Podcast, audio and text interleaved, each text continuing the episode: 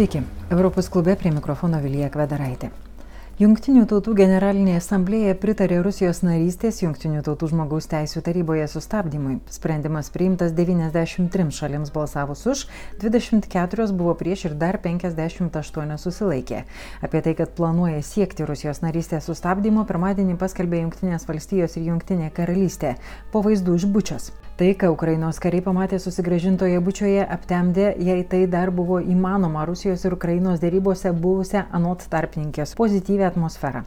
Po NATO susitikimo Bruselėje žurnalistams tai sakė turkų užsienio reikalų ministras Mevlutas Kavosoglu. Visgi jis tvirtino, kad dėrybos bus tęsiamos, o jas įsitraukti panoro Aleksandras Lukašenka ir net karą pavadino karu. Jis skundėsi, kad Minskas nebedalyvauja dėrybose, kurios prasidėjo Baltarusijoje. Karas vyksta čia pat už tvoros nuo mūsų šalies, sakė Lukašenka, ir jis turi didelį poveikį padėčiai mūsų šalyje, todėl negali būti jokių atskirų susitarimų už Baltarusijos nugaros, susirūpino Aleksandras Lukašenka. Baltarusija tuo metu leidžia Rusijos pajėgoms naudoti savo teritoriją Ukrainai bombarduoti, bet labai nepatenkintas, kad neva vakarai baisiai spaudė ukrainiečius nevykti į Baltarusiją dėryboms. Tuo metu, kol deramasi dėl penktojo sankcijų paketo, kurį pristatė Europos komisija ir dvi paras niekaip negalėjo susitarti ambasadoriai, 513 europarlamentarų balsavo už rezoliuciją dėl sankcijų Rusijai.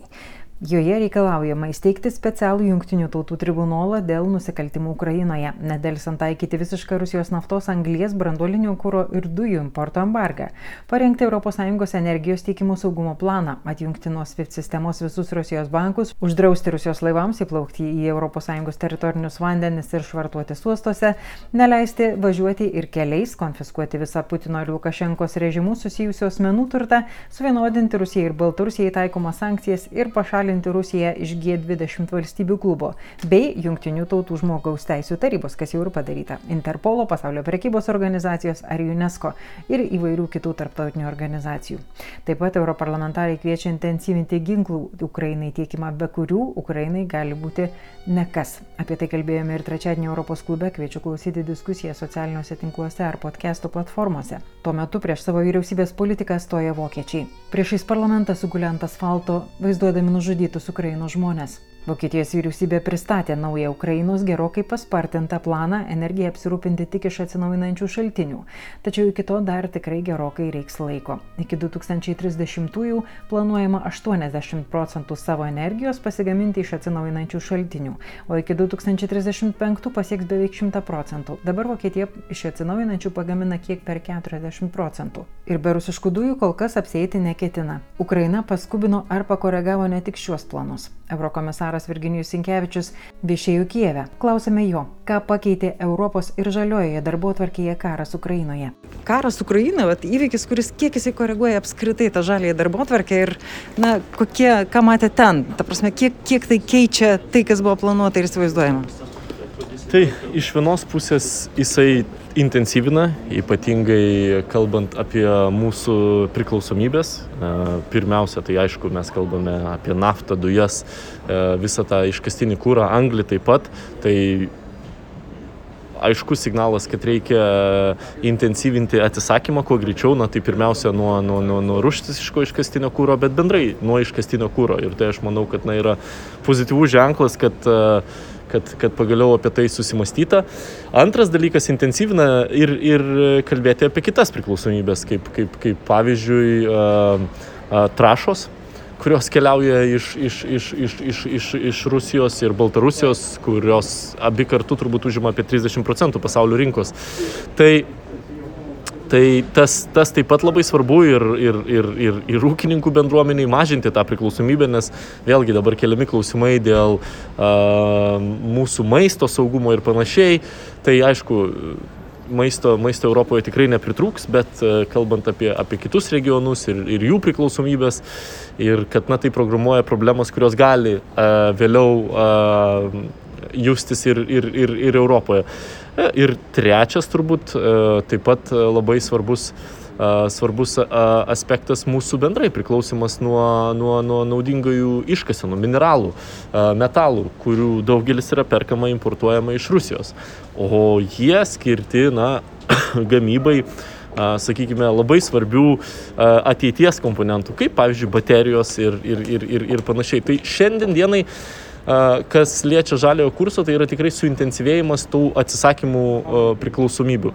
Kur sudėtingesnė yra diskusija, tai kalba apie, apie bio, bio ir aišku tai, kas liečia ūkininkus ypatingai dirbtinai bandoma supriešinti, kad na štai bioįvairovės apsauga dabar ir taip sudėtinga ūkininkų gyvenimą apsunkina, kas yra absoliuti nesąmonė, nes, na, man atrodo, kiekvienas ūkininkas, e, kuris, na, ypatingai grūdų augintojas ir panašiai yra suinteresuotas e, efektyv, e, aukštame e, žemės efektyvume Ir uh, mes ir kalbame apie tą vadinamąją taršą, jos mažinimą, apie, apie dirbožėmių išsaugojimą ir, ir, ir to efektyvumo didinimą ir, ir, ir, ir, ir panašiai. Tai šioje vietoje aš jaučiu tokią uh, uh, lobizmo rankelę, uh, bandant, uh, bandant supriešinti, uh, bet labai svarbu, kad uh, politikai, kad jie uh, padėtų atskirti, kas yra kas, kad vyktų diskusija su ūkininkais, su ūkininkų bendruomenė, kokios iš tiesų yra tos, tos bėdos ir kaip mes galime jiems padėti. Ir pačias tas emisijas, ar ne, keičiasi, na, tai tikslai kaip ir aukštinami, net ne tai, kad atsisakytume. Taip, tai, taip, tai, tai aišku, kad nes na, mes kalbame apie klimato neutralumą, ne, ne, ne, ne, ne, ne CO2 tik tai sumažino. Tai šioje vietoje aišku, kad e, buvo reikalinga tas atnaujinti direktyvą, kuri paskutinį kartą buvo atnaujinta 2010 metais. Tai mes įtraukėme daugybę naujų aspektų kurie ne, nebuvo paliesti. Bet čia vėlgi nereiktų dabar jaudintis dėl to, nes įsigaliojimas e, pilnas yra tik po penkerių metų. Ir vėlgi perėjimas kai kuriuom industrijom bus palaipsninis, nebus jo iš karto ir, ir, ir, ir, ir panašiai. Mm. Ir vienas iš tų, apie ką mes irgi nekartą esame kalbėję, yra pastatų efektyvumas ir tuos komisija Europos pati bandys rodyti pavyzdį, ar ne? Taip, tai šiandien komisijos yra priimta vadinamoji uh, žmogiškųjų išteklių strategija uh, ir ten, aišku, žalinimas komisijos užima labai didelę, didelę dalį, tai kadangi komisija na, iš ties užima daugybę pastatų, per 30 tūkstančių žmonių dirba komisijoje, tai bus jau dabar yra keičiama, kaip pavyzdys, mano direktoratas visai nesiniai persikėlė į, į, į naujas patalpas, į daug efektyvesnės, kalbant apie energetinį efektyvumą pirmiausia, tai buvo vienas pagrindinių kriterijų, pagal kurį mes rinkomės, taip pat ir, ir kiti direktoratai, kiek žinau, jų judės. Yra dabar keičiami, e, keičiami automobiliai komisijos, automobilių parkas, kuris aišku orientuotas dabar į nulinių emisijų automobilius, kelionės peržiūrimos dėl, dėl, mm. dėl, dėl CO2 emisijų, nes komisija iš savęs yra, taip sakykime, daug keliaujanti institucija. Tai tokie žemiški, paprasti dalykai, bet, bet, bet yra visa, visa, visa strategija ir žmonių beje dirba daug mažiau, man atrodo, dabar, ta prasme, dalis žmonių tebeliko, COVID iš tikrųjų pakeitė Taip. situaciją ir jie liko tiesiog dirbti iš namų. Kas... Tai yra didelis iššūkis, nes yra žmonių, kurie per du metus ne, negryžo į, į ofisus ir, ir susigražinti juos bus didelis iššūkis. Tai, um, taip, jie atlaisvina patalpas ir pastatus. iš vienos pusės taip, uh, bet iš kitos pusės mes turim taip pat žiūrėti į darbo efektyvumą ir mes matome, kad uh, kai kuriuose, kai kuriuose skyriuose darbo efektyvumas krito. Pradžioje jis galbūt ir buvo pakankamai aukštas, nes tai, sakykime, buvo naujovė, čia darbas iš namų ir panašiai. Uh, ypatingai, kai mokyklos buvo atidarytos visą laiką Belgijoje, bet dabar mes matome, kad tai turi įtakos darbo efektyvumui, uh, žmonių komunikacijai tarpusavyje ir, ir aišku, į, į tai reikės atkreipti dėmesį. Kitaip sakant, žalumas vis dėlto nenustelbs taip, kad visi dirbsit ar ne per kažkokį nuotolį. Ne, tai ta, ta, tas, tas, tas yra opcija ir, ir yra gera opcija, nes, nes aišku, kad uh, nereikia važiuoti į darbą ir, ir, ir, ir, ir panašiai, taip, irgi emisijos.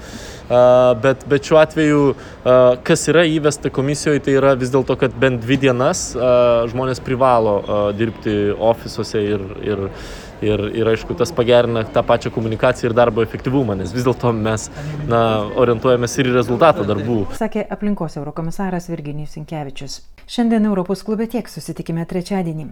Prenumeruokite Europos klubo podcastų platformose bei sekite socialiniuose tinkluose. Iki.